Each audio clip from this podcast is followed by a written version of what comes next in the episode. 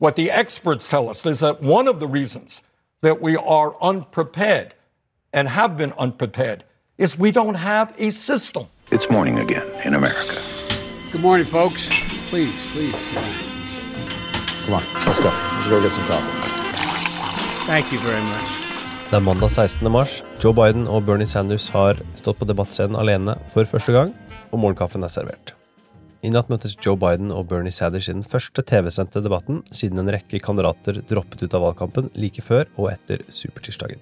Det var den ellevte i rekken og den første i 2020-sirkuset med kun to demokrater på scenen. Debatten gikk av stabelen i Washington DC istedenfor i Phoenix, Arizona, som opprinnelig planlagt, og uten publikum i salen. Årsaken koronaviruset. Det var også hovedtema i debatten, og begge kandidatene la fram sine planer for å møte krisen. Sanders gjentok sitt krav om omfattende økonomiske reformer og et statsfinansiert nasjonalt helsevesen for å møte kriser som koronaviruset. Biden sa han ville ha kalt inn militæret og iverksatt et multi-multibillion dollar program, som han sa det, som omfattet både smittevern og økonomiske hjelpetiltak. Biden sa også i et spark til Sanders at det var for mye på spill med tanke på fremtidige pandemisituasjoner til å vente på en full omlegging av helsevesenet.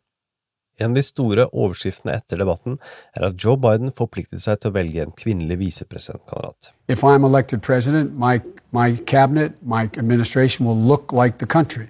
And I commit that I will, in fact, appoint a, I'll pick a woman to be vice president. There are a number of women who are qualified to be president tomorrow. I would pick a woman to be my vice president. Sanders på sin side ville ikke gå lenger enn å si, på spørsmål fra debattlederne, at han mest sannsynlig vil gjøre det samme. The vice president committed to picking a woman as his running mate. If you get the nomination, will you? Uh, in all likelihood, I, I will. Uh, for me, it's not just uh, nominating uh, or a woman. It is making sure that we have a progressive women, and there are progressive women out there. So my very strong tendency is to move in that direction. Biden sa også at han vil oppnevne en afroamerikansk kvinne til høyesterett dersom han får muligheten til det. Vi kommer tilbake med mye mer i neste utgave av 2020, som kommer tirsdag morgen. Andre saker. To stater har så langt valgt å utsette sine valgdager i lys av smittesituasjonen. Louisiana var først ute, og utsetter da fra 4. april til 20. juni.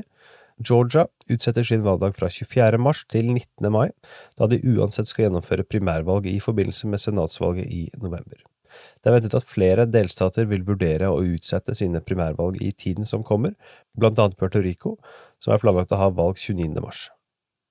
President Trumps lege skriver et notat til presidentskvinne Stephanie Grisham at presidenten ble testet for covid-19 fredag kveld, og at resultatet lørdag viser at han ikke er smittet. Trump ble testet etter at det de siste dagene har vist seg at han har hatt nærkontakt med flere personer som senere har fått påvist koronasmitte. Det meldes også at alle som nå er i kontakt med presidenten eller visepresident Mike Pence, gjennomgår jevnlige temperaturmålinger, inkludert pressekorpset i Det hvite hus. Helt til slutt, Joe Biden knuser Bernie Sanders blant demokratiske velgere i en ny nasjonal måling utført for NBC og Wall Street Journal. Biden får 61% mot Sanders 32, mens Tulsi Gabbard får 4. Både Biden og Sanders slår imidlertid president Trump én til én blant respondentene i denne målingen. Biden får 52 mot Trumps 43, mens Sanders får 49 mot Trumps 45. Dagens utgave av Målkaffen er servert av Sigrid Rege Gårdsvold og undertegnede Are Togolflaten. Gå til patron.com ampol for å få eksklusive podkaster fra oss i amerikanskpolitikk.no. Dersom du også ønsker dette som et nyhetsbrev, tar du turen til ampol.no kaffen.